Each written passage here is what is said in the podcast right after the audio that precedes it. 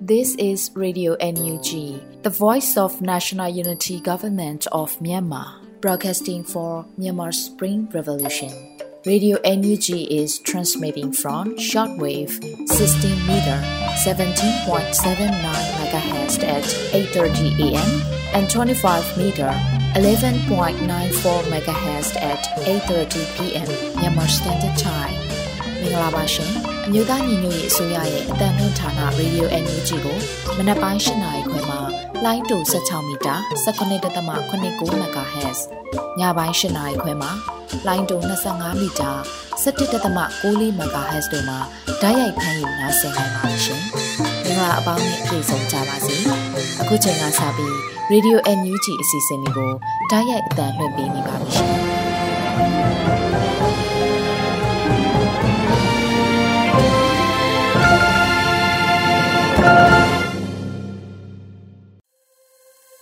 မြန်မာနိုင်ငံသူနိုင်ငံသားအပေါင်းတဘာဝပေးဆက်အာနာရှင်ဘေးတို့ကနေကင်းဝေးပြီးဘေးကင်းလုံခြုံကျန်းမာကြပါစေလို့ရေဒီယို UNG အဖွဲ့သားများကဆုတောင်းမြတ်တာပို့သလိုက်ရပါတယ်ရှင်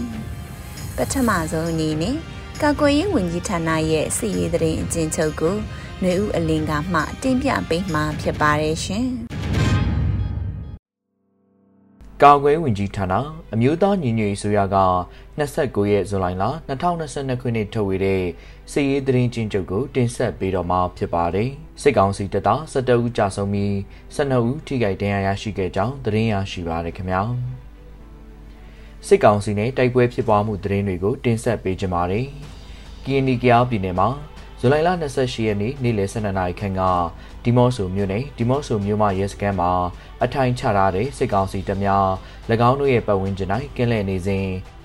ကာကွယ်တပ်ဒီမော့ဆို DMO Local PDF viewer 3နဲ့အလဲပိုင်းတိုင်းတရင်1106တို့မှရဲဘော်များ15မိနစ်ကြာပူးပေါင်းရေးတိုက်ခိုက်ခဲ့ရာစစ်ကောင်စီတပ်သား2ဦးသေဆုံးခဲ့ပြီး2ဦးထိခိုက်ဒဏ်ရာရရှိခဲ့ကြောင်းသတင်းရရှိပါရခင်ဗျာ။ မွန်ပြည်နယ်မှာဇူလိုင်လ28ရက်နေ့နေ့လယ်3နာရီခန့်ကရေးမြို့နယ်ရှိမြို့မရဲစခန်းကိုရေးဘလူးအဖွဲ့မှဝင်ရောက်စီးနင်းတိုက်ခိုက်ခဲ့ရာရဲတပ်သား၄ဦးသေဆုံးခဲ့ပြီး၄ဦးထိခိုက်ဒဏ်ရာရရှိခဲ့ကြောင်းသတင်းရရှိပါရခင်ဗျာ။စကိုင်းတိုင်းမှာဇူလိုင်လ28ရက်နေ့ည4:30မိနစ်အချိန်ခန့်ကကမ်ဘလူမြို့နယ်အုံ6လုံးကျေးရွာအနီးမှာစစ်ကောင်စီတပ်သားများကိုပြည်သူ့ကာကွယ်တပ်မတော်ကောလင်းခရိုင်တရင်တေ ပြည်သူ့ကာကွယ်ရေးဖွဲ့ကမ်ဘလူတို့မှပူးပေါင်း၍မိုင်းဆွဲတိုက်ခိုက်ခဲ့ရာစစ်ကောင်စီတပ်သား9ဦးထိခိုက်ဒဏ်ရာရရှိခဲ့ကြောင်းသတင်းရရှိပါရခင်ဗျာဇူလိုင်လ28ရက်နေ့မနက်4:30မိနစ်အချိန်ခန့်ကသကိုင်းမြို့နယ်ညောင်ပင်ဝင်းစကန်ရှိမှာစိုင်းကဲများကားများစစ်ဆေးနေတဲ့စစ်ကောင်စီဖွဲ့ကိုပြည်သူ့ကာကွယ်ရေးအဖွဲ့တစ်ဖွဲ့မှ drone နဲ့တိုက်ခိုက်ခဲ့ကြောင်းသတင်းရရှိပါရခင်ဗျာ မန္တလေးတိုင်းမှာဇူလိုင်လ29ရက်နေ့ကမြင်းချံမြို့နယ်စံပြကျွော်မှာရွာလူကြီးပြူတူးဖြစ်သူအားနထိုးကြီး People Defense Force အဖွဲ့မှဝင်ရောက်ပစ်ခတ်ခဲ့ပြီးကာပိုင်းတစ်ချောင်းရှော့ဂန်တစ်လက်ရှော့ဂန်ကြီး20တောင်းတို့အားတင်စီရမိခဲ့ကြောင်းသတင်းရရှိပါရခင်ဗျာမကွေးတိုင်းမှာဇူလိုင်လ28ရက်နေ့ကပခုတ်ကူမြို့နယ်နဲ့ မြိုင်မြို့နယ်အကြားရှိစီလောင်ရွာနီးမှာအင်အားတရာခန့်ပါလာတဲ့စစ်ကောင်စီစစ်ကြောင်းအားဒေသဆိုင်ရာကာကွယ်တပ်ဖွဲ့များမှပူးပေါင်းမိုင်းဆွဲတိုက်ခိုက်ခဲ့ကြောင်းသတင်းရရှိပါရခင်ဗျာ။ပဲခူးတိုင်းမှာဇူလိုင်လ28ရက်နေ့မနက်09:30မိနစ်အချိန်ခန့်ကပေါင်းတယ်မြို့နယ်တစ်ပုတ်ကြီးရွာအုပ်စုတစ်ပုတ်ကြီးရွာမှာတာဝါတိုင်းစောင့်နေတဲ့စစ်ကောင်စီတပ်သားများနဲ့ပြည်သူ့ကာကွယ်တပ်မတော်ပေါင်းတယ်တရင်3600တီတက်ခွဲတင်နေတရင်3600နဲ့ တက်ခွဲတို့ပူးပေါင်းပြီးတိုက်ခိုက်ခဲ့ရာစစ်ကောင်စီအရာရှိတဦးတက်ကြက်ကြီးတူနဲ့အခြားအဆင့်2ဦးစုစုပေါင်း4ဦးသေဆုံးခဲ့ပြီး MA3 တလက်ပစ္စတိုတလက်စကားပြောဆက်တစ်လုံးဖုံးလေးလုံးနဲ့မှတ်ပုံတင်တစ်ခုတင်စီရမိခဲ့ကြောင်းသတင်းရရှိပါရခင်ဗျာတနင်္လာရီတိုင်းမှာဇူလိုင်လ29ရက်နေ့ည9:00နာရီခန့်ကရေဖြူတဝဲကားလမ်းပေါ်ရှိ စစ်ကောင်စီရင်တစည်းကိုရေဖြူမြို့နယ်ပြည်သူ့ကာကွယ်တပ်ဖွဲ့ YPPDF ကလက်လုံမိုင်းနဲ့ပောက်ခွဲတိုက်ခိုက်ခဲ့ကြောင်းသတင်းရရှိပါရခင်ဗျာဆက်လက်ပြီးစစ်ကောင်စီကကျူးလွန်တဲ့ရာဇဝမှုတွေကိုတင်ဆက်ပေးကြပါမယ်ကင်းပြည်နယ်မှာဇူလိုင်လ29ရက်နေ့မနက်ပိုင်းကဖအံမြို့နယ်တရားရုံးမှာအကြမ်းဖက်တိုက်ဖျက်ရေးဥပဒေပုံမှာ52ကာကြီးနဲ့မဲကောင်သတင်းဌာနရဲ့အလူတန်းသတင်းတောက်တူဖြစ်သူကိုမောင်မောင်မျိုးကို ထောင်ဒဏ်6နှစ်ချမှတ်ခဲ့ကြောင်းသတင်းရရှိပါရခင်ဗျာချင်းပြည်နယ်မှာဇူလိုင်လ28ရက်နေ့ကမတူပီမြို့နယ်ဇုံတုံနယ်တဲ့သို့မကွေးတိုင်းကံကောမြို့နယ်မှာစစ်ကောင်စီတပ်သားများစစ်ကြောင်းနှစ်ကြောင်းနဲ့စစ်ကြောင်းထိုးလာခဲ့ပြီးရွာသား30ခန့်ကိုဖမ်းဆီးထားခဲ့ပါတယ်။စစ်ကြောင်းထိုးလာတဲ့ဇီးပြားနဲ့အန်တာကျွာကြားမှာစစ်ကောင်စီတပ်သားများမှတပ်ဖြတ်ထားတဲ့အရက်သားနှုတ်ရဲ့အလောင်းကိုတွေ့ရှိခဲ့ရကြောင်းသတင်းရရှိပါရခင်ဗျာ။ ဇူလိုင်လ28ရက်နေ့ညတကောင်ချင်းခန့်ကမင်းတပ်မြို့နယ်နဲ့ထင်းလေးမြို့နယ်အဆက်ရှိနှာဘုံကျွာကိုစစ်ကောင်စီတပ်မှတိုက်လေရင်နှစ်စီးနဲ့ဘုံသုံးလုံးကျဲတိုက်ခိုက်ခဲ့တဲ့အတွက်ကြောင့်ပြည်သူ9ဦးထိခိုက်ဒဏ်ရာရရှိခဲ့ကြောင်းသတင်းရရှိပါရခင်ဗျာ။ စကိုင်းတိုင်းမှာဇူလိုင်လ28ရက်နေ့နေ့လယ်ပိုင်းကရေဦးမြို့နယ်တင်းတိမ်ရန်ကျွာသို့စစ်ကောင်စီတပ်သား140ခန့်လက်နက်အပြည့်စုံနဲ့ဝင်ရောက်လာခဲ့ပြီးညနေပိုင်းချိန်များမှာနေအိမ်များကိုမိရှုဖျက်ဆီးခဲ့ကြောင်းသတင်းရရှိပါရခင်ဗျာ။ ဇူလိုင်လ28ရက်နေ့နေ့လယ်2:30မိနစ်ချိန်ခန့်ကစကိုင်းမြို့နယ်တလိုင်းကျွန်းကျွာသို့စစ်ကောင်စီတပ်သားများဝင်ရောက်ခဲ့ပြီးနေ50လုံးမိရှုဖျက်ဆီးခဲ့တဲ့အတွက်ကြောင့်ဒေသခံကာကွယ်အဖွဲ့များမှဝိုင်းဝန်းပြီးမိငိမ့်တက်ခဲ့ရကြောင်းသတင်းရရှိပါရခင်ဗျာ။မကွေးတိုင်းမှာဇူလိုင်လ28ရက်နေ့ညနေ9:00နာရီခန့်ကပေါ့မြို့နယ်တောင်မြင့်ရွာအားစစ်ကောင်စီတပ်သားရဲတပ်သားများနဲ့ပြူစောထီးများပူးပေါင်း၍အကြမ်းဖက်မိရှုနေခဲ့ကြောင်းသတင်းရရှိပါရခင်ဗျာ မန္တလေးတိုင်းမှာဇူလိုင်လ29ရက်နေ့နေ့လယ်12:30မိနစ်ချိန်ခန့်ကပသိမ်ကြီးမြို့နယ်ညောင်ပင်သာအနောက်ရွာရှိ NLD ပါတီဥက္ကဋ္ဌဦးအောင်နိုင်စုအားစစ်ကောင်စီလက်အောက်ခံရဲငါးဦးခန့်နဲ့နေအိမ်တို့လာရောက်ခဲ့ပြီးဖမ်းဆီးသွားခဲ့ကြောင်းသတင်းရရှိပါရခင်ဗျာဇူလိုင်လ28ရက်နေ့နေ့လယ်10:30မိနစ်ချိန်ခန့်ကမဟာအောင်မြေမြို့နယ်အရှိတ်ပတ်တာမိုးကောင်းရက်ွက်ရှိ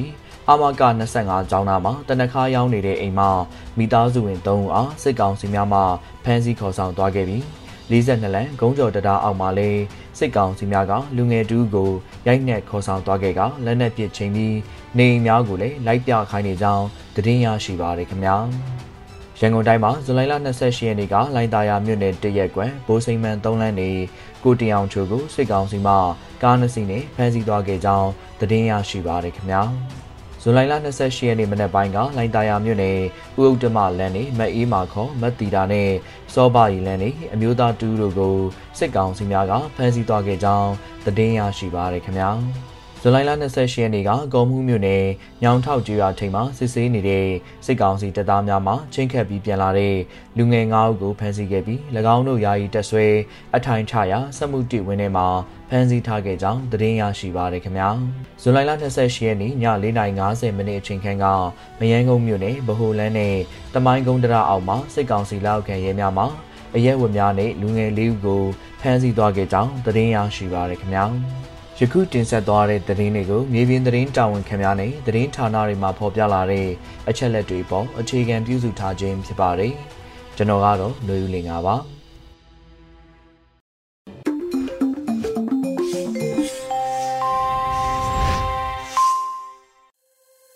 ဆက်လက်ပြီး Radio UNG ရဲ့နောက်ဆုံးရသတင်းများကိုຫນွေဦးမိုင်မှဖိတ်ကြားတင်ပြပေးပါမယ်ရှင်။မင်္ဂလာမနက်ခင်းပါရှင်။ အခုချိန်ကစပြီး Radio UNG ရဲ့မနက်ခင်းသတင်းများကိုတင်ပြပေးပါတော့မယ်။ကျမຫນွေဦးမိုင်ပါ။ပထမဆုံးအနေနဲ့အကြမ်းဖက်စစ်တပ် BGM နဲ့ပြည်သူစစ်များအတူရက်တည်၍နီးစပ်ရာ PDM နဲ့ ERO တပ်စခန်းများမှလက်နက်နဲ့တကွအများဆုံးပူးပေါင်းရန်ယာယီသမရဒူဝါလက်ရှိလာပြောကြားတဲ့သတင်းကိုတင်ပြပေးပါမယ်။အကြမ်းဖက်စစ်တပ် BGM နဲ့ပြည်သူစစ်များအတူရက်တည်၍နီးစပ်ရာ PDM နဲ့ ERO တပ်စခန်းများမှ လက်နက်နဲ့တကွအများဆုံးပူပေါင်းရန်ယာယီသမရဒူဝါလက်ရှိလာကဇူလိုင်လ28ရက်မှာကျင်းပတဲ့ပြည်ထောင်စုသမရမြန်မာနိုင်ငံတော်အမျိုးသားညီညွတ်ရေးအစိုးရအရေးပေါ်နိုင်ငံတော်အခြေပြမိန့်ခွန်းပြောကြားရမှာထည့်သွင်းပြောပါတယ်။အကြမ်းဖက်စစ်တပ် BGM နဲ့ပြည်သူစစ်တွေမှာတာဝန်ထမ်းဆောင်နေကြတဲ့နိုင်ငံသားများခမများမိမိတို့ရဲ့ကိုကြိုးစည်းပွားကိုစွန့်လွတ်ဖို့အချိန်ရောက်ပါပြီ။ အာနာရှင်စနစ်ကိုဒုက္ခပေါင်းများစွာကြကတော်လှန်နေကြတဲ့ပြည်သူလူထုနဲ့တူရက်တီဖို့ချိန်တန်ပါပြီလို့ဆိုပါတယ်။ဒါအပြင်အလင်းဝင်လာတဲ့သူများကို NUG အစိုးရအနေနဲ့ပြည်သူလူထုကိုစားအမြဲတမ်းကြိုဆိုနေမှာဖြစ်တယ်လို့ယာယီသမရဒူဝါလက်ရှိလာကထပ်လောင်းပြောပါတယ်။လက်ရှိမှာ CDM တက်နေရင်ဟာတောင်းတဲ့ချီရှိလာပြီဖြစ်ပါတယ်ရှင်။ ဆက်လက်ပြီးအမျိုးသားညီညွတ်ရေးအစိုးရဂျပန်နိုင်ငံဆိုင်ရာကိုယ်စားလှယ်စောဘလှသိန်းနဲ့မြန်မာဒီမိုကရေစီအရေးကိုအားပေးသည့်လွှတ်တော်အမတ်များသမကဥက္ကဋ္ဌမစ္စတာမဆာဟာရုနာဂါဂဝါတို့တွေ့ဆုံတဲ့တဲ့ရင်ကိုတင်ပြပေးပါမယ်အမျိုးသားညီညွတ်ရေးဆိုရဂျပန်နိုင်ငံဆိုင်ရာကိုယ်စားလှယ်စောဘလှသိန်းနဲ့မြန်မာဒီမိုကရေစီအရေးကိုအားပေးသည့်လွတ်တော်အမတ်များသမဂဥက္ကဋ္ဌမစ္စတာမဆာဟာရုနာဂကဝါတို့တွေ့ဆုံခဲ့ပါတယ်။ ဇူလိုင်29ရက်မွန်းလွဲ3နာရီမှစတင်ပြီးအမျိုးသားညီညွတ်ရေးအစိုးရဂျပန်နိုင်ငံဆိုင်ရာကိုယ်စားလှယ်စောဘလှသိန်းနဲ့မြန်မာဒီမိုကရေစီအရေးကိုအားပေးသည့်လွတ်တော်အမတ်များသမဂဥက္ကဋ္ဌမစ္စတာမဆာဟာရုနာဂကဝါအထွေထွေအတွင်းရေးမှူးမစ္စတာမီချီဟာရုအီရှိဘရှိတို့တွေ့ဆုံခဲ့ကြပါတယ်။တွေ့ဆုံမှုမှာအမျိုးသားညီညွတ်ရေးဆိုရနဲ့ချိတ်ဆက်ဆောင်ရွက်မှုကိစ္စ လူဝင်မှုကြီးကြပ်ရေးနဲ့မြန်မာနိုင်ငံသားများအရေးကိစ္စအတွက်ဂျပန်နိုင်ငံဝန်ကြီးချုပ်နဲ့ဥပဒေရေးရာဝန်ကြီးဌာနတို့တောင်းဆိုထားသည့်အချက်များအားဝန်ကြီးဌာနမှပြန်လည်အကြောင်းပြန်သည့်ကိစ္စရပ်များနိုင်ငံရေးအကျဉ်းသားလေးဦးအားတည်တံပေးသည့်ကိစ္စဝန်ကြီးချုပ်ဟောင်းမစ္စတာအာဘေး၏ဇာပနအခမ်းအနားအားအကြမ်းဖက်စစ်ကောင်စီအားလက်မခံရန်ကိစ္စတို့ကိုပြောကြားခဲ့ပါတယ်။ဒါအပြင်တမတ်ကြီးဦးကျော်မိုးထွန်း၏ကိုစားပြုခွင့်ကိစ္စရပ်များနဲ့ပတ်သက်ပြီးရင်းနှီးပွင့်လင်းစွာဆွေးနွေးခဲ့ကြပါတယ်ရှင်။ ဆက်လက်ပြီးပြည်သူလူထုတရလုံးပါဝင်တဲ့လူထုသစ္စာဒိဋ္ဌံပြုပွဲဇူလိုင်31ရက်နေ့မနက်ပိုင်းကျင်းပမဲ့တဲ့ရင်ကိုတင်ပြပေးပါမယ်။ပြည်သူလူထုတရလုံးပါဝင်တဲ့လူထုသစ္စာဒိဋ္ဌံပြုပွဲဇူလိုင်31ရက်နေ့မနက်ပိုင်းကျင်းပမယ်လို့သတင်းရရှိပါရယ်။ပြည်သူလူထုတရက်လုံးမိမိတို့ယုံကြည်ရတရားအလိုက်တိုင်တီသစ္စာဒိဋ္ဌံပြုကြမိလူထုသစ္စာဒိဋ္ဌံပြုပွဲများကိုနိုင်ငံအနှံ့ပြုလုပ်သွားကြမှာဖြစ်ပါတယ်။ ဇူလိုင်31ရက်တနင်္ဂနွေနေ့နနက်10:38မိနစ်အချိန်တွင်နိုင်ငံအနှံ့ပြားရှိပြည်သူလူထုများအနေဖြင့်မိမိတို့စုဝေးရန်အစဉ်ပြေသည့်နေရာဒေသတစ်ခုခုတွင်စုဝေးကြပြီးတော်လှန်ရေးတွင်မြင့်မြတ်စွာရင်းနှီးပေးဆက်ခဲ့ကြသူအပေါင်းတို့၏ကျေးဇူးကုန်ကိုဥညွတ်လေးပြုပါရယ်တော်လှန်ရေးပါနိုင်ရောက်သည့်အထိဆက်လက်ချီတက်ပါမည်ဟုသစ္စာဒိဋ္ဌံပြုပါရယ်တရားမျှတလွတ်လပ်ခြင်းနဲ့တန်းတူညီမျှခြင်းတို့သည်ဤမြင့်၌ဒီပါစေတည်းတရားတဲ့သူသားနိုင်ခြင်းဟဲ့ သစ္စာဒိဋ္ဌံတို့ကိုရွတ်ဆို၍သစ္စာဒိဋ္ဌံပြုကြမှာဖြစ်ပါတယ်။ပြည်သူများစုဝေးရတနေရရာတို့ရောက်ရှိရန်အခက်ခဲရှိပါကကာဟွန်တီချင်းတန်ပုံးတီးချင်းတို့ဖြင့်လူထုသစ္စာဒိဋ္ဌံပြုပွဲကိုပါဝင်အားဖြစ်နိုင်တယ်လို့သိရရှိပါရရှင်။ Click to Donate ကဇူလိုင်လ29ရက်နေ့ကတရက်တည်း YouTube တစ်ခုထဲကနေ350ရရှိရလို့ဆိုတဲ့သတင်းကိုတင်ပြပေးပါမယ်။ Click to Donate ကဇူလိုင်လ29ရက်နေ့ကတရက်တည်း YouTube တစ်ခုထဲကနေ350ရရှိရလို့ဆိုပါတယ်။ဇူလိုင်29ရက်နေ့မှာ Click to Donate ကဖော်ပြခဲ့ပါတယ်။29ရက်နေ့ကတရက်တည်း YouTube တစ်ခုထဲကနေ350လောက်ရလိုက်ပါတယ်ခင်ဗျာ။နောက်ပြီးပြီးခဲ့တဲ့48နာရီအတွင်း channel ရဲ့ကြည်နှုန်းက10သိန်းကျော်ဖြစ်ပါတယ်။ပြန်ကြမသွားစေပဲတောက်လျှောက်ထိန်းထားရင် YouTube channel တစ်ခုထဲကနေ တလကိုသိန်းထောင်ကျော်ရနိုင်ပါတယ်ခင်ဗျာလို့ဆိုပါတယ်။ Click to Donate ဟာတော်လှန်ရေးအတွက်ပြည်သူလူထုကလက်နှိပ်အားပေးမှုနဲ့ရန်ပုံငွေရှာဖွေပေးနေတာဖြစ်ပါတယ်။ထိမ့်သိမ့်ပေးကြပါခင်ဗျာ။ထိမ့်ထားပေးကြပါလို့အထူးတောင်းဆိုပါတယ်။နေ့စဉ်ဝင်ကြည့်ပေးကြပါဒီလောက်ထိတက်ထားပြီးမှပြန်ကြရင်တော့ channel ပိတ်ခံရနိုင်တာမို့လို့ထိန်းထားပေးကြပါလို့တောင်းဆိုပါရခင်ဗျာလို့ click to donate ကဆိုပါရရှင်။ ဆက်လက်ပြီးမတရားတဲ့ဒေသန်စီရင်ခဲ့တဲ့အကြမ်းဖက်စစ်ကောင်စီကိုစိုက်ကျင်ရင်တရားမျှတမှုရရှိရေးတို့ကိုထိုင်းနိုင်ငံမဲဆောက်မှာစာနာပြတောင်းဆိုတဲ့တင်ကိုတင်ပြပေးပါမယ်။မတရားတဲ့ဒေသန်စီရင်ခဲ့တဲ့အကြမ်းဖက်စစ်ကောင်စီကိုစိုက်ကျင်ရင်တရားမျှတမှုရရှိရေးတို့ကိုထိုင်းနိုင်ငံမဲဆောက်မှာစာနာပြတောင်းဆိုခဲ့ကြပါတယ် ဇူလိုင်29ရက်မေးဆောက်ဈေးရုံနဲ့ဈေးပတ်ဝန်းကျင်မှာနိုင်ငံရေးတက်ကြွလှုပ်ရှားသူများနဲ့မြန်မာရွှေ့ပြောင်းဆက်ယုံအလုပ်ယုံအထွေထွေအလုပ်သမားများကဥဆောင်ခဲ့ပါတယ်။ကိုဂျင်မီကိုဖြိုးစရာတော့ကိုအောင်သူရဇော်နဲ့ကိုလှမျိုးအောင်တို့ရဲ့ပုံတွေကင်ဆောင်ထားပြီးအကြမ်းဖက်စစ်ကောင်စီစန့်ကျင်ရင်တရားမျှတမှုရရှိရေးတို့အတွက်ဆန္ဒပြသူများကဟစ်ကြွေးတောင်းဆိုခဲ့ပါတယ်။ပြီးခဲ့တဲ့ရက်ပိုင်းကလည်းထိုင်းနိုင်ငံဘန်ကောက်မြို့မှာ မြန်မာလူသားထောင်နဲ့ချီတက်ရောက်ဆန္ဒပြတောင်းဆိုခဲ့ကြပါသေးတယ်ရှင်။ဆလပီမုံရစီးပွားရေးဘဏ်ကိုဘုံပစ်တိုက်ခိုက်ရာစစ်ကောင်စီတပ်သား2ဦးပွဲချင်းပြီးတေဆုံးတဲ့တဲ့ရင်ကိုတင်ပြပေးပါမယ်။မုံရစီးပွားရေးဘဏ်အားအောင်ဆန်း generation မုံရမှဇူလိုင်လ29ရက်နေ့ညနေ3:10မိနစ်ကဘုံနှလုံးပစ်ကျွေးကကျွေးမွေးအခမ်းခဲ့ပါတယ်လို့ဆိုပါတယ်။တိုက်ခိုက်မှုမှာစစ်ကောင်စီတပ်သား2ဦး ပွဲချင်းပြီးတေဆုံးကြောင်းအတီးပြုတ်နိုင်ခဲ့ပြီးတဦးမှာဒဏ်ရာပြင်းထန်ကြောင်းသိရရှိပါရယ်။နတ်စီဒီအဝန်ထမ်းအသေးဆုံးမသိရှိရသေးဘူးလို့ဆိုပါရယ်။ယခုတိုက်ခိုက်မှုဟာကိုဂျင်မီကိုစီယာတော်ကိုအောင်သူရဇော်ကိုလှမျိုးအောင်တို့အားကြိုးပေးတည်တံချခြင်းအတွက်တွေးကြွေးပြန်ယူခြင်းဖြစ်တယ်လို့ဆိုပါရရှင်။ဆက်လက်ပြီး YDF ထီလင်စစ်သမီးရဲဘော်များကြီးဖိုးရဖို့နေစားကောက်ဆိုင်စင်းတဲ့တင်းကိုတင်ပြပေးပါမယ်။ YDF ထီလင်စစ်သမီးရဲဘော်များကြီးဖိုးရဖို့နေစားကောက်ဆိုင်စင်းနေကြရတယ်လို့ဇူလိုင်29ရက်နေ့မှာ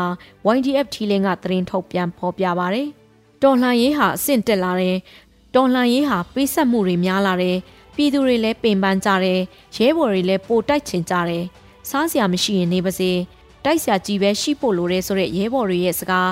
အခုတော့စစ်သမီးတွေကောက်ဆိုင်လိုက်ပြီးကြည်ဖိုးရှာချင်ကြရတဲ့ လေ့ကျင့်ရေးပြီးလို့ပင်ပန်းနေလဲမနေသားဘူးလို့ဆိုပါတယ်။ Your Defense for Chilin ဟာစစ်အာဏာရှင်စနစ်ကိုခုခံတွန်းလှန်နေတဲ့တော်လှန်ရေးအင်အားစုလည်းဖြစ်ပါတယ်ရှင်။ဆက်လက်ပြီးဘောလခဲ BPDF ကိုရဲတပ်မှစစ်ဗိုလ်တအူအလင်းဝင်ခိုးလုံတဲ့သတင်းကိုတင်ပြပေးပါမယ်။စစ်ကောင်စီရေးတပ်မှဗိုလ်ကြီးတအူဟာဘောလခဲပြည်သူ့ကာကွယ်တပ်ဖွဲ့ BPDF ထံသို့ဆက်သွယ်က CDM ပြုတ်လုလာခဲ့တယ်လို့ဆိုပါတယ်။ ဇူလိုင်29ရက်မှာဘောလခဲ BPDF ကသတင်းထုတ်ပြန်ပါတယ်။ဗိုလ်ကြီးဟာစစ်ကောင်စီရေးတပ်တင်မောချင်းဌာနချုပ်တန်လှန်မြို့ရန်ကုန်တိုင်းမှာထွက်ခွာလာခြင်းဖြစ်ပြီးဘောလခဲပြည်သူ့ကာကွယ်တပ်ဖွဲ့ BPDF ထံသို့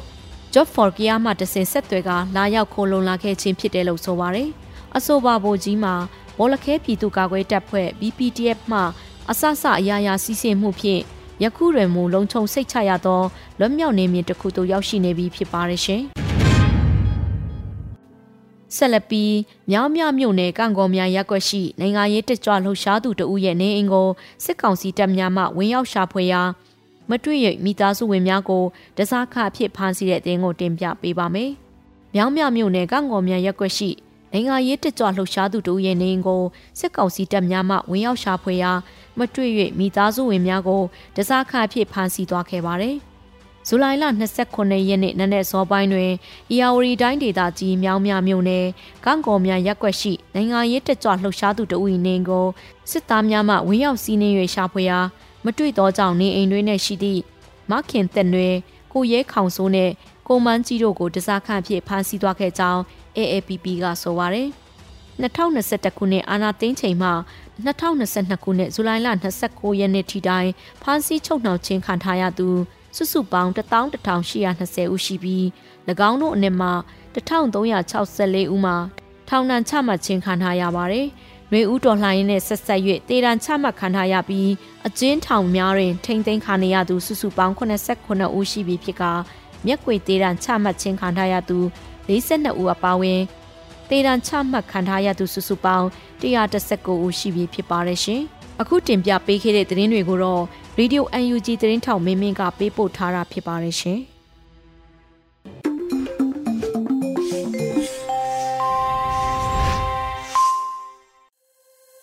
ရေဒီယိုအန်ယူဂျီသောတာရှင်များရှင် PVTV ရဲ့နေ့စဉ်သတင်းများကို မျိုးတော်ရာမှဖက်ကြားတင်ပြပေးထားပါတယ်ရှင်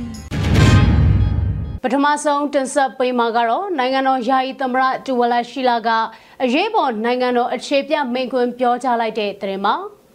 အမျိုးသားညူရေးအစိုးရနိုင်ငံတော်ယာယီသမရတူဝလာရှိလာကဇူလိုင်28ရက်ညမှာနိုင်ငံတော်အခြေပြမိန့်ခွန်းတရက်ကိုပြောကြားလိုက်ပါတယ်။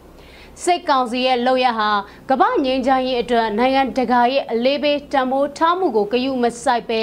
မင်းအောင်လှိုင်နဲ့စိတ်ကောင်စီရှိနေတဲ့၍လူတံပိုးလူအခွင့်ရေးများကိုပြောင်ပြောင်တင်းတင်းဆက်လက်ချိုးဖောက်နေမှာဖြစ်ကဒီမိုကရေစီစံနှုန်းနဲ့ငြိမ်းချမ်းသာယာတဲ့နိုင်ငံတော်တစ်ခုကိုတည်ထောင်နိုင်မှာမဟုတ်ကြောင်းထင်ရှားစွာပြသနေခြင်းဖြစ်တယ်လို့ယာယီသမရကမိန့်ခွန်းထဲမှာထည့်သွင်းပြောကြားလိုက်တာပါ။ အာဏာရှင်ရှိနေသမျှတိုင်းပြည်ကိုစောင့်ထိန်နိုင်မှာမဟုတ်ဘူးလို့လည်းယာယီသမရကထောက်ပြပြောဆိုထားပါတယ်။အာဇာနည်လေးယောက်ကိုတတ်လိုက်တာဟာဒေါ်လာရေးကိုအရှင်အဟုန်မြင့်လိုက်တာနဲ့အတူတူပဲလို့ဆိုထားသလိုပြည်သူတွေအနေနဲ့လည်းနှွေဦးဒေါ်လာရေးကိုအရှင်အဟုန်မြင့်လှုပ်ဆောင်ဖို့တိုက်တွန်းထားပါတယ်။အမှန်တရားအတွက်ပြည်သူများဘက်ရပ်တည်နေတဲ့ဒီမိုကရေစီဘက်တော်သားများကိုအကြောက်တရားနဲ့ချိန်ချောက်နေခြင်းဖြစ်ပါတယ်။ စစ်ကောင်စီရဲ့လုပ်ရဟာကမ္ဘာငြိမ်းချမ်းရေးအတွက်နိုင်ငံတကာရဲ့အလေးပေးတံပိုးထားမှုကိုကယူမဆိုင်ပဲမင်းအောင်လှိုင်နဲ့စစ်ကောင်စီရှိနေသူ၍လူတံပိုးလူအခွင့်အရေးများကိုပြောင်ပြောင်တင်းတင်းဆက်လက်ချိုးဖောက်နေမှာဖြစ်ကဒီမိုကရေစီစံနှုန်းနဲ့ငြိမ်းချမ်းသာယာတဲ့နိုင်ငံတစ်ခုကိုတည်ထောင်နိုင်မှာမဟုတ်ကြောင်းထင်ရှားစွာပြသနေခြင်းဖြစ်ပါတယ်။ဒ တနည်းအားဖြင့်အာဏာရှင်ရှိနေသမျှတိုင်းပြည်ရဲ့လုံခြုံရေးကိုစောင့်ထိန်နိုင်မှာမဟုတ်ကြောင်းတက်သိပြနေခြင်းဖြစ်တယ်လို့ယာယီသမရကပြောကြားလိုက်ပါတယ်။အကြမ်းဖက်စစ်ကောင်စီကိုဝင်ဝင်ရတဲ့လမ်းတွေကိုပိတ်ဆို့ဖို့ပြောကြားခဲ့သလိုနိုင်ငံတကာအနေနဲ့အမျိုးသားညွေရေးကိုကူညီထောက်ပံ့မှုတွေလုပ်ဖို့လည်းပြောကြားထားတာတွေ့ရပါတယ်။ဒါအပြင်နှီးပညာလက်နက်တွေကိုလည်းထောက်ပံ့ကူညီကြဖို့အတွက်အလေးအနက်တောင်းဆိုထားပါတယ်။ အမျိုးသားညွေရေးအစိုးရ NUG သာလျှင်ပြည်သူအစိုးရဖြစ်လို့ NUG ကိုတရားဝင်အစိုးရအဖြစ်အတိအမှတ်ပြုပေးကြပါ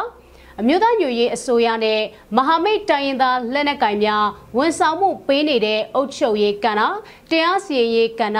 စစ်ပြေးဒုက္ခသည်များကို လူသားချင်းစာနာထောက်ပံ့ရေးကဏ္ဍ ပညာရေးနဲ့ကျန်းမာရေးကဏ္ဍများမှာငွေကြေးနဲ့ဤပညာများနဲ့ကူညီထောက်ပံ့ပေးကြဖို့ထပ်မံတောင်းဆိုလိုပါတယ်လို့ယာယီသမရဒူဝလာရှိလာကပြောပါတယ်နိုင်ငံရေးပါတီတွေကိုလည်းအကြံဖက်အာဏာရှင်မင်းအောင်လှိုင်ရဲ့ထွက်ပေါက်ဖြစ်တဲ့2023ရွေးကောက်ပွဲကိုလုံးဝမပါဝင်ဖို့ပြည်သူတော်လှန်ရေးကြံ့ကြာစိမ့်မဲ့လှုပ်ဆောင်မှုမှန်သမျှကိုစန့်ကျင်ကြဖို့အတွက်ပြောကြားထားတာတွေ့ရပါတယ်။ ဆက်လက်တင်ဆက်ပေးမှာကတော့အကြံဖက်စစ်ကောင်စီရဲ့ဒီမိုကရေစီရေးဥဆောင်သူ၄ဦးကိုကွက်မြက်ချင်းအပေါ် G9 အဖွဲ့ဝင်နိုင်ငံခြားရေးဝန်ကြီးတွေကပြင်းထန်စွာကန့်ကွက်ရှုတ်ချလိုက်တယ်ဆိုတဲ့သတင်းမှာ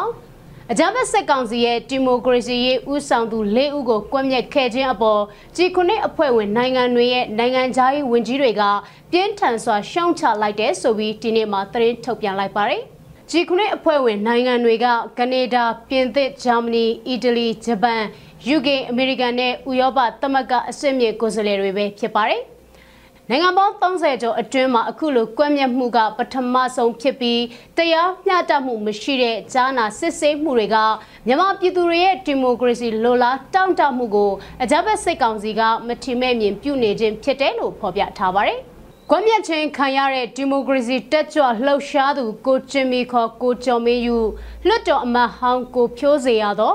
ကိုအောင်သူရစော်နဲ့ ကိုလှမျိုးအောင်တို့ရဲ့မိသားစုဝင်တွေနဲ့အတူ2021ဖေဖော်ဝါရီလတရားမဝင်အာဏာသိမ်းမှုနောက်ပိုင်းစစ်တပ်ရဲ့တပ်ဖြတ်တာဖမ်းဆီးတာနဲ့ညှဉ်းပန်းနှိပ်စက်တာခံခဲ့ရသူအလုံးရဲ့မိသားစုဝင်အလုံးနဲ့အတူထပ်တူဝင်တဲ့စိတ်မကောင်းဖြစ်ရတယ်လို့ကြည်ခုနှစ်အဖွဲ့ဝင်နိုင်ငံခြားရေးဝန်ကြီးတွေရဲ့ထုတ်ပြန်ချက်မှာဖော်ပြထားပါတယ် မြန်မာနိုင်ငံစစ်အာဏာသိမ်းမှုကိုအပြင်းထန်ဆုံးရှုံချမှုနဲ့ဆက်လက်ရှုံချပြီးနိုင်ငံတွင်းမှာနိုင်ငံရေးစီးပွားရေးလူမှုရေးလူသားချင်းစာနာထောက်ထားမှုဆိုင်ရာအကူအညီပေးရင်းနဲ့လူ့ခွင့်ရေးအခြေအနေတွေနဲ့ဆက်လင်းပြီးတော့လွန်စွာစိုးရိမ်ပူပန်လျက်ရှိတယ်ဆိုပြီးတော့လေကြည်ခုနှစ်အဖွဲ့ကပြောပါတယ်။ အကြမ်းဖက်မှုတွေချက်ချင်းအဆုံးသတ်ရေးမတရားထပ်မံကွက်မြက်မှုတွေကိုရှောင်ရှားရေးနိုင်ငံရေးအကျဉ်းသားတွေအလုံးနဲ့မတရားဖမ်းဆီးထိန်းသိမ်းထားသူတွေကိုပြန်လွှတ်ပေးရေးနဲ့တိုင်းပြည်ကိုဒီမိုကရေစီလမ်းကြောင်းပေါ်သို့ပြန်လည်ပို့ဆောင်ရေးအတွက်ဆီယနာရှင်အဖွဲ့အစည်းကို G9 အဖွဲ့ကတောင်းဆိုလိုက်ပါတယ်။ အာဆီယံအဖွဲ့အစည်းရဲ့အားထုတ်မှုတွေကိုဆက်လက်အားပေးထောက်ခံပြီးစစ်တပ်ကိုအာဆီယံဘုံသဘောတူညီချက်9ရပ်ကိုတောက်ပေါင်းစုံမှပြည့်ပြည့်ဝဝအကောင့်ထဲဖော်ဆောင်ရေးအတွက်လည်းတောင်းဆိုထားပါတယ် အဲ့ဒီတောင်းဆိုမှုမှာအတိုက်ခံဒီမိုကရေစီအင်အားစုများစုံစုံညီညီနဲ့အားလုံးပါဝင်နိုင်တဲ့အပြန်အလှန်ဆွေးနွေးမှုလည်းပါဝင်သလိုကုလသမဂ္ဂအဖွဲ့ကြီးရဲ့အားထုတ်ကြိုးပမ်းမှုများကိုလည်းဆက်လက်အားပေးထောက်ခံပြီးအာဆီယံအထူးကိုယ်စားလှယ်နဲ့ကုလသမဂ္ဂအထွေထွေအတွင်းရေးမှူးချုပ်ရဲ့အထူးကိုယ်စားလှယ်ကြားမှာထိရောက်တဲ့ပူးပေါင်းဆောင်ရွက်မှုတွေရှိဖို့အတွက်လည်းတိုက်တွန်းထားတာတွေ့ရပါတယ်။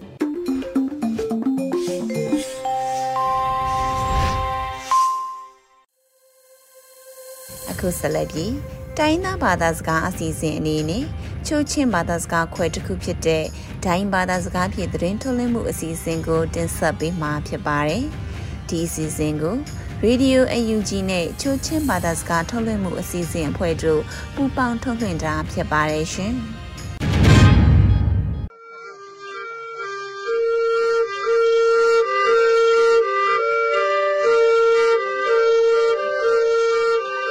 Radio NUG ได้เบกไทยถุนักสุงไอกีโนบะเบนานิยาเยนักนี้ตุงไอขอกุมทองอีกนำปุยังหิตูบิขาคมนุบทุมกิจขึ้นสู่มาตุงหงยากาทางเยซุนกีได้สไลนอกันิยามเทลอกขยากากี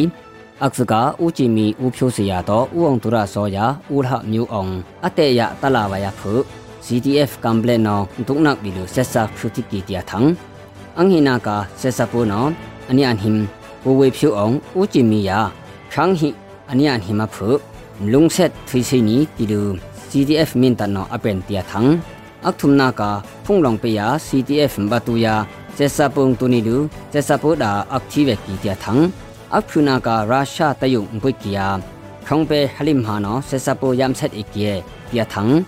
อัมฮานากาคงเปนักกุดปาลิมันปูนอ CRBH ยาดึงฮุนิลูชูเบงไทอีไวทุกที่ห้อยเตียทังเงเนี่ยงไงเขยกากี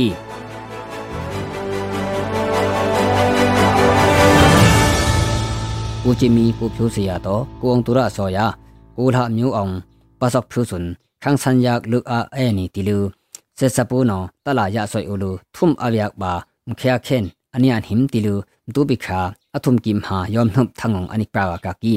အဆွန်အမ်တလာတေယာလူ CTF ကမ်ပလန်နောဒူပိခါအထုမ်ကိခုမ်နှုပ်ပုံဆက်စပူအနိယတုဘေဦးတီလူထငုံအနိပရာကကီလပ်ထုမန်ပါအိုလူမလူဥပလုံပင်ယဥပလုံယာ rong i be se sai sun ya tu lu poling hi se sang hi ang do na phu thi ke ka ki se sa mat pi le pi ti lu thang huwa ka ki ni dung nak sun nang sunga tu ni u lu na yi mat choki ctf complet la ak lem a me ti lu thang huwa ka ki ni se sa po no ai ba ri yung kham bo lu ani an hi mam khe sun ani po lu aga kung ngug mod cgtc no lam aniam sumak ba นยามสุมักบาလူဥမာတုံနောက်စွန်ဒုံလောဝိုင်ယာကကီတီလူအနိပနာကကီခေါကုမ်အောက်ဟူဆန်ယာကီယာဆက်စပိုနောအာနာအယဖွေလောဖုဘခန်းငေနောအနိမလုံထုစွန်တောင်ယမ်လော့ကီယတီလူ CTF မင်တနောထငုံအနိပရာကကီနီခန်းဆန်ယာဆက်စပိုနောကိုဖြိုးစီယာတော့ကိုချီမီပုကီယာခါဖုစွန်တွာခါအထုံကီထုံနှုံပုံအနိယဟိမဖု CTF မင်တနောဘခန်းငေအတငါလုံဆက်ထွေစီနီတီလူထငုံအနိယောကာကကီခงเปอพุพุยาบัก ခေါင်ပေအဖူဖူယာဘခငဲနောအဟိဘာအနိယန်ဟင်ဘိုင်ဆွိနာဥလူကွန်ဟင်ဘိုင်ခွီကောဥလူပီဂျီနီဝါငီနလုမ်ဥလူအနိဆန်ညာဆွန်အနိယမ်ဆက်ယာကာကီနှွန်ဖူဖုံကာတုကပိုအေအတုငါလုံဆက်ထွိစီလူရှီနာဆက်စပုံဆွိအရုဒဝေယာ BBY တီလူ CTF မင်တနောထငုံအပရာကာကီနီတူပိခါအထုံကိမဟာငွိုင်လမ်နာယီဟလီယာတုံ CTF batuya sesa posun phunglong tuipiya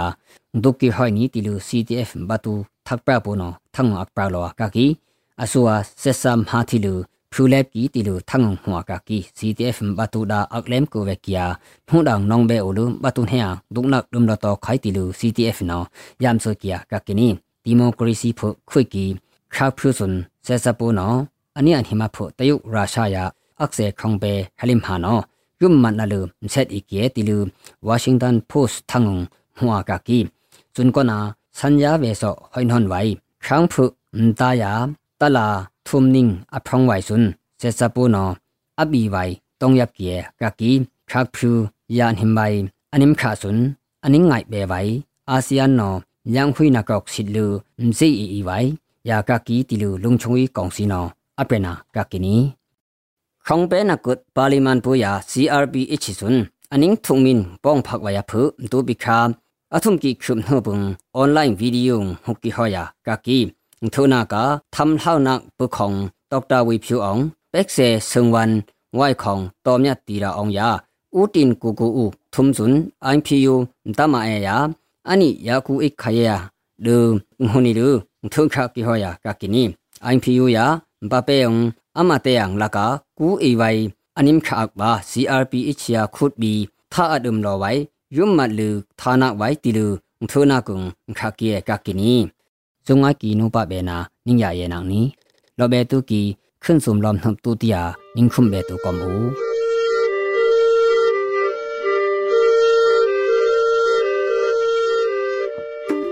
ဒီကနေ့ကတော့ဒီညနဲ့ပဲ Radio NUG ရဲ့အစီအစဉ်လေးကိုခਿੱတရနာလိုက်ပါမယ်ရှင်။မြမစံတော်ချိန်မနက်၈နာရီခွဲနဲ့ည၈နာရီခွဲအချိန်တွေမှာပြန်လည်ဆုံတွေ့ကြပါစို့။ Radio NUG ကိုမနက်ပိုင်း၈နာရီခွဲမှာလိုင်းတူ16မီတာ19.8 MHz ညပိုင်း၈နာရီခွဲမှာလိုင်းတူ25မီတာ17.6 MHz တို့မှာဓာတ်ရိုက်ဖမ်းလို့နိုင်စေနိုင်ပါပြီ။ မြန်မာနိုင်ငံသူနိုင်ငံသားတွေကိုစိတ်နှပြကျန်းမာချမ်းသာလို့ဘေးကင်းလုံခြုံကြပါစေလို့ Radio NUG အဖွဲ့သူဖွဲ့သားတွေကဆုတောင်းမြတ်တာပို့တာလိုက်ရပါတယ်ရှင်။မြို့သားညီညွတ်ရေးအစိုးရရဲ့စက်သွယ်ရေးသတင်းအချက်အလက်နဲ့မျိုးပညာဝန်ကြီးဌာနကထုတ်လွှင့်နေတဲ့ Radio NUG ဖြစ်ပါတယ်။ San Francisco Bay Area အခြေစိုက်မြန်မာမိသားစုတွေနဲ့နိုင်ငံတကာကစေတနာရှင်လို့အားပေးနေတဲ့ Radio NUG ဖြစ်ပါတယ်။အရေးတော်ပုံအောင်ရမည်